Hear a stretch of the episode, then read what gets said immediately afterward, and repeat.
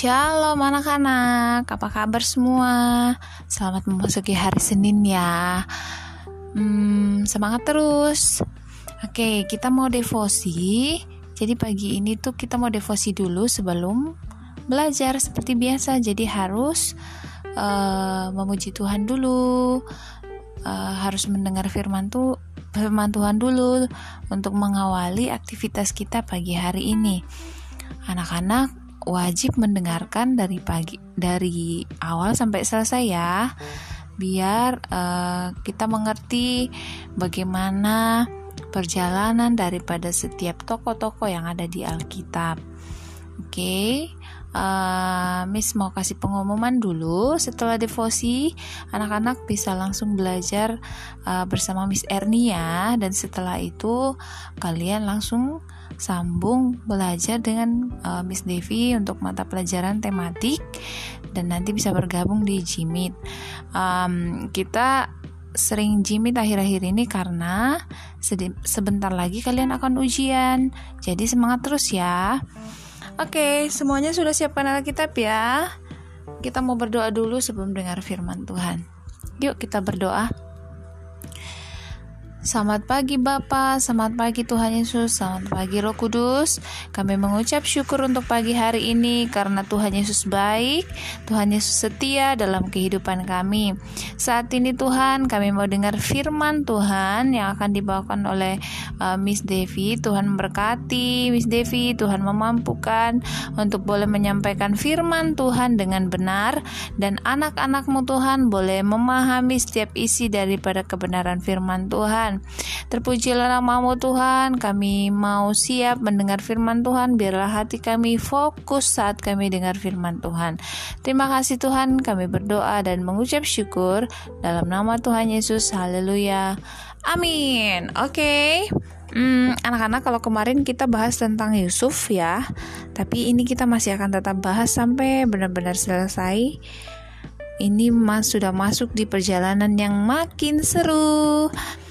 Oke, silakan buka Alkitabnya di kitab Kejadian pasal 42 ayat yang ke 13 dan 14. Sebenarnya kita harus baca panjang tapi nggak apa-apa kita baca dua ayat. Kejadian pasal 43 ayat 13 sampai 14. Kita baca sama-sama ya. Bawalah juga adikmu itu, bersiaplah dan kembalilah pula kepada orang itu. Allah yang Maha Kuasa kiranya membuat orang itu menaruh belas kasihan kepadamu, supaya ia membiarkan saudaramu yang lain itu beserta Benyamin kembali. Mengenai aku ini, jika terpaksa aku kehilangan anak-anakku, biarkanlah juga kehilangan. Oke, jadi tema kita hari ini yaitu karakter yang disucikan. Apa itu karakter? karakter itu apa ya uh, termasuk sifat sikap kita dan bagaimana kita menghadapi segala sesuatu dengan apakah dengan cara yang benar atau tidak benar. Nah, jadi uh, kesatuan itu dipulihkan ke, melalui pengorbanan setiap orang. Hmm, Hei, uang yang kita pakai untuk membayar gandum dikembalikan. Lihat, di mulut karung gandum ini ada uang. Nah, jadi di, itu uh, kata-kata si siapa? Rombongan anak-anak Yakub tadi yang pulang kembali ke rumah.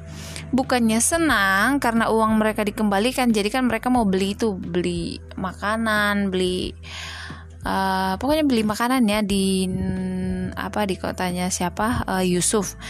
Tapi diam-diam Yusuf mengembalikan uangnya, memasukkan di dalam uh, apa karung gandum mereka gitu. Jadi uh, jadi bukannya mereka senang, tetapi sebaliknya mereka menjadi terkejut dan ketakutan ketika sampai di rumah dan mengetahui bahwa di semua karung gandum mereka ada uang. Uang yang mereka pakai untuk membeli gandum dikembalikan semuanya. Jadi anak-anak Yakub menceritakan apa yang terjadi di Mesir kepada ayah mereka. perintah pejabat Mesir itu untuk uh, membawa Benyamin ke Mesir membuat ayah mereka marah besar. Jadi uh, waktu itu kan diperintahkan tuh sama Benyamin, eh sorry sama anak-anaknya Yakub bahwa Benyamin harus datang dibawa oleh mereka, baru mereka bisa mendapatkan apa yang mereka minta. Jadi waktu itu ayahnya marah sekali, marah besar. Dalam hati mereka berkata bahwa ayah mereka tidak salah, sudah selayaknya dia marah dan sedih oleh karena penderitaan yang dialaminya sejak kehilangan Yusuf. Bagi Yakub yang uh, saat itu belum mengetahui kejahatan yang diperbuat anak-anaknya, kemarahan itu bukan hanya merupakan pemberontakan melawan Tuhan sendiri. Sebagai anak sulung, Ruben e, menjamin keselamatan Benyamin dengan menawarkan kedua anaknya kepada ayahnya untuk dibunuh bila mereka tidak membawa Benyamin kembali dari Mesir nantinya. Tetapi Yakub menolak hal itu. Tampaknya masih belum ada kesatuan nih dalam keluarga Yakub di Kanaan anak-anak Yakub masih terpecah dan saling terpisah satu sama lain karena kejahatan mereka belum diakui. Wah, itu jadi sumber masalahnya adalah dulu pernah mereka melakukan kejahatan sama Yusuf tapi mereka belum akui itu. Makanya mereka punya keluarga masih uh, apa hancur-hancurnya berantakannya. Jadi belum ada jalan keluar. Mereka masih belum dapat dipersatukan. Jadi kalau kita punya kejahatan yang belum diakui, maka kita akan susah dipersatukan dengan keluarga kita masing-masing, susah untuk berdamai dan sebagainya. Sedangkan di Mesir, hati Yusuf terarah kepada keluarga ayahnya. Tuh kan, jadi Yusuf itu bukan berarti dia diam, bukan berarti dia marah, tetapi dia hanya mungkin kayak kasih ujian kecil begitu sama keluarganya karena kan uh, kakak-kakaknya kan memang sudah tidak uh, saudara-saudara Yusuf sudah tidak mengenal Yusuf tapi Yusuf tetap mengenal mereka dong. Dia mau mengorbankan keinginan balas dendam dan kepuasan pribadinya. Jadi kan sebagai anak yang pernah dibuang, disakiti dan sebagainya itu uh, harusnya dia dendam kan, tapi tidak, dia tidak melakukan itu. Apalagi untuk kepuasan pribadinya untuk mencari yang terbaik bagi keluarga ayahnya dan membawa keluarga itu kepada perdamaian. Wow, ha, luar biasa hati Yusuf ya, sudah pernah disakiti seperti itu tapi dia punya kerinduan, dia punya tujuan sekarang bagaimana keluarganya itu uh, ada dalam perdamaian. Oke. Okay. Di dalam proses ini Yusuf menunjukkan bahwa roh Kristus ada padanya. Pada siapa? Pada si Yusuf karena sesungguhnya Kristuslah yang berkeinginan untuk um, mempersatukan. Jadi sebenarnya Tuhan Yesus sendiri yang um, ingin untuk mempersatukan dan memelihara miliknya. Iya ya, memelihara miliknya siapa? Uh, Yakub, anak-anaknya dan semua orang yang ada di bumi ini adalah miliknya Tuhan. Tuhan rindu, Tuhan ingin supaya semuanya dipersatukan, semuanya dipulihkan Tuhan. Demi tujuan inilah maka Tuhan memberikan hidupnya untuk menebus dosa-dosa kita. Apa yang Tuhan Yesus lakukan adalah berkorban buat kita ya anak-anak ya. Jadi kita tidak bisa ada sampai hari ini kalau Tuhan tidak berkorban bagi kita semua. Sampai sekarang dan untuk seterusnya roh, roh Kristus itu bekerja di dalam diri kita. Dia selalu memelihara kehidupan umat kepunyaannya uh, dengan terlebih dahulu menebus mereka uh, dari kuasa dosa atau iblis. Apakah kamu sudah mengalami hidup dalam pemeliharaan Kristus seperti Yusuf? Memang sangat luar biasa. Jauh lebih agung, lebih baik, lebih dahsyat daripada cerita di film mana pun. Pokoknya tidak ada yang lebih bagus dari itu. Ketika kita melawan Kristus, dia tidak melawan kita. Iya ya. Jadi se mungkin kita masih kecil jadi kita belum tahu bagaimana itu melawan Kristus melawan Kristus kalau kita jarang baca Alkitab, selalu marah-marah, selalu um, apa namanya berpikiran yang tidak benar atau melawan Tuhan itu tidak mau menyembah Tuhan, tidak mau menerima Tuhan Yesus. Nah, jadi waktu kita melawan Tuhan, Tuhan itu tidak pernah melawan kita. Sebaliknya, Tuhan malah mau menebus kita dari genggaman dosa atau iblis supaya kita memperoleh hidup dalam pemeliharaan Tuhan itu sendiri. Wah, begitu baiknya Tuhan ya. Karena kelaparan masih terjadi di rumah Yakub, maka tidak ada jalan lain anak-anak Yakub harus kembali ke Mesir, tetapi mereka tidak bisa pergi tanpa membawa Benyamin. Ketika um, Yakub yang masih marah menyalahkan mereka karena mengatakan kepada pejabat Mesir itu bahwa mereka masih memiliki seorang adik, Yehuda maju dan menyatakan bahwa ayahnya bersikap tidak adil. Dia juga memberikan dirinya sebagai jaminan bahwa tidak ada hal buruk yang akan menimpa Benyamin. Ayah, mungkin dibilang begitu ya. Dengan jaminan ini aku menyerahkan Benyamin. Sekarang dia tidak lagi memisahkan diri dari anak-anaknya yang lain oleh karena kesedihannya atas kehilangan seorang anak Rahel. Hati Yakub saat ini terbuka bagi seluruh keluarganya dan dia menyerahkan dirinya bersama seluruh keluarganya kepada Allah yang Maha Kuasa. Sekali lagi, Yakub disebut dengan nama Israel yang telah bergumul dengan Allah dan menang. Semua sikapnya yang salah telah diubahkan. Indah bukan? setiap orang harus mengorbankan egonya atau keakuannya. Apa itu ego? Itu egois ya, mementingkan diri sendiri. Jadi untuk bersama-sama disucikan menuju kepada persatuan yang benar. Mari kita lihat satu persatu. Jadi uh, Yusuf mengorbankan keinginannya untuk membalas dendam dan menaati panggilan Allah atas dirinya. Yakub menghilangkan rasa takutnya dengan merelakan Benyamin pergi ke Mesir. Yakub belajar menyerahkan diri dan keluarganya kepada Allah yang Maha Kuasa. Luar biasa ya. Besok kita akan melihat lagi nih bagaimana Yehuda rela berkorban dan menempatkan dirinya pada posisi Benyamin. Dia berbicara mewakili saudara-saudaranya yang lain lain. Kini masing-masing anggota keluarga Yakub bersikap rendah hati dan tidak saling menyalahkan. Wah, sudah mulai kelihatannya di sini bahwa sudah pembelian sudah mulai terjadi. Semua pengorbanan ini merupakan bayang-bayang dari pengorbanan yang dilakukan oleh Kristus untuk menebus dosa kita.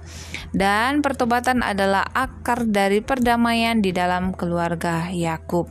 Oke, berikut hal-hal yang perlu dipelajari anak-anak. E, misalkan membacakan beberapa pertanyaan di sini dan anak-anak menyimak dan juga bisa dijawab ya di rumah masing-masing bersama keluarga. Nomor satu, Kejutan apa yang dialami oleh saudara-saudara Yusuf ketika mereka membuka karung karung gandum mereka? Bagaimana sikap mereka setelah itu? Apakah senang atau malah sebaliknya? Itu nomor satu ya, itu ada di kejadian pasal 42 ayat 28. Ini hanya ini kalian hanya perlu pelajari ya. Nomor dua, siapa nama tiga orang anak Yakub yang dikhawatirkan akan hilang darinya? Ayo, itu di kejadian pasal 42 ayat 36. Nomor tiga, apa jaminan yang diberikan Ruben kepada Yakub untuk melindungi Benyamin? Ada di Kejadian pasal 42 ayat 37. Nomor 4, jaminan dari siapa yang akhirnya diterima oleh Yakub? Wah, tadi barusan ya itu Miss bacakan di Kejadian pasal 4 um, 43 ayat 3 dan juga 9.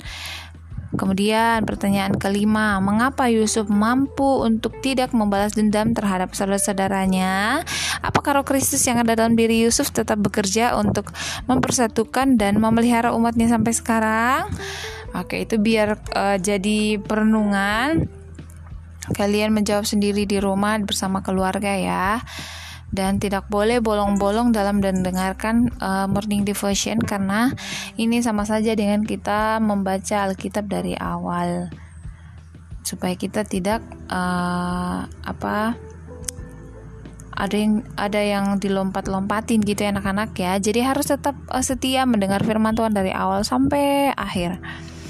Jadi uh, itu saja untuk morning devotion kita hari devotion kita pada hari ini.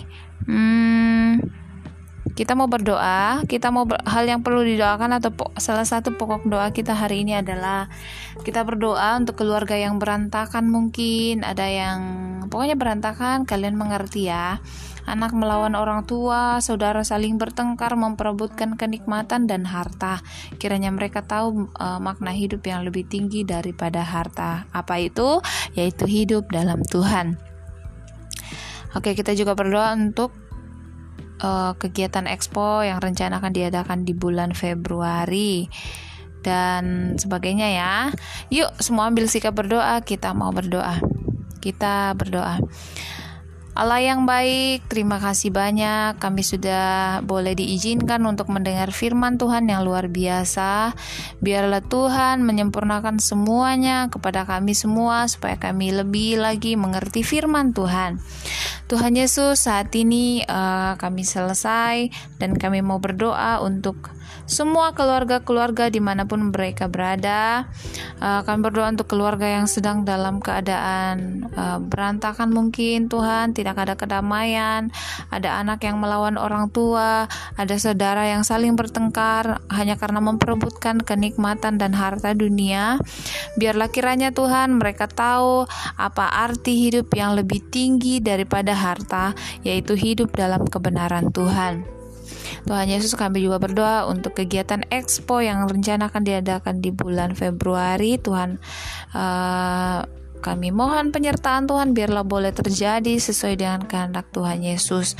Terima kasih Tuhan, kami berdoa juga biarlah Tuhan tetap menolong kami dalam masa pandemi supaya uh, hati kami juga semakin mengandalkan Tuhan, mengasihi Tuhan Yesus sepanjang hari-hari yang kami lalui di rumah. Kami berdoa untuk kami semua yang uh, bersekolah maupun yang tidak bisa sekolah karena satu dan lain hal, Tuhan tetap bersama-sama dengan kami. Terpujilah namamu Tuhan. Hari ini kami mau lanjut belajar. Tuhan beri kami kepintaran, semangat yang dan akal budi yang daripada Tuhan biar kami boleh belajar dengan baik. Terima kasih Tuhan. Kami berdoa untuk Miss dan Mister yang juga hari ini mengajar Tuhan berkati mereka. Kami berdoa dan mengucap syukur hanya di dalam nama Tuhan Yesus. Haleluya. Amin. Oke, okay, thank you anak-anak ya. Sampai ketemu nanti pada saat uh, jadwal Jimit kita tematik ya. Bye bye. God bless you.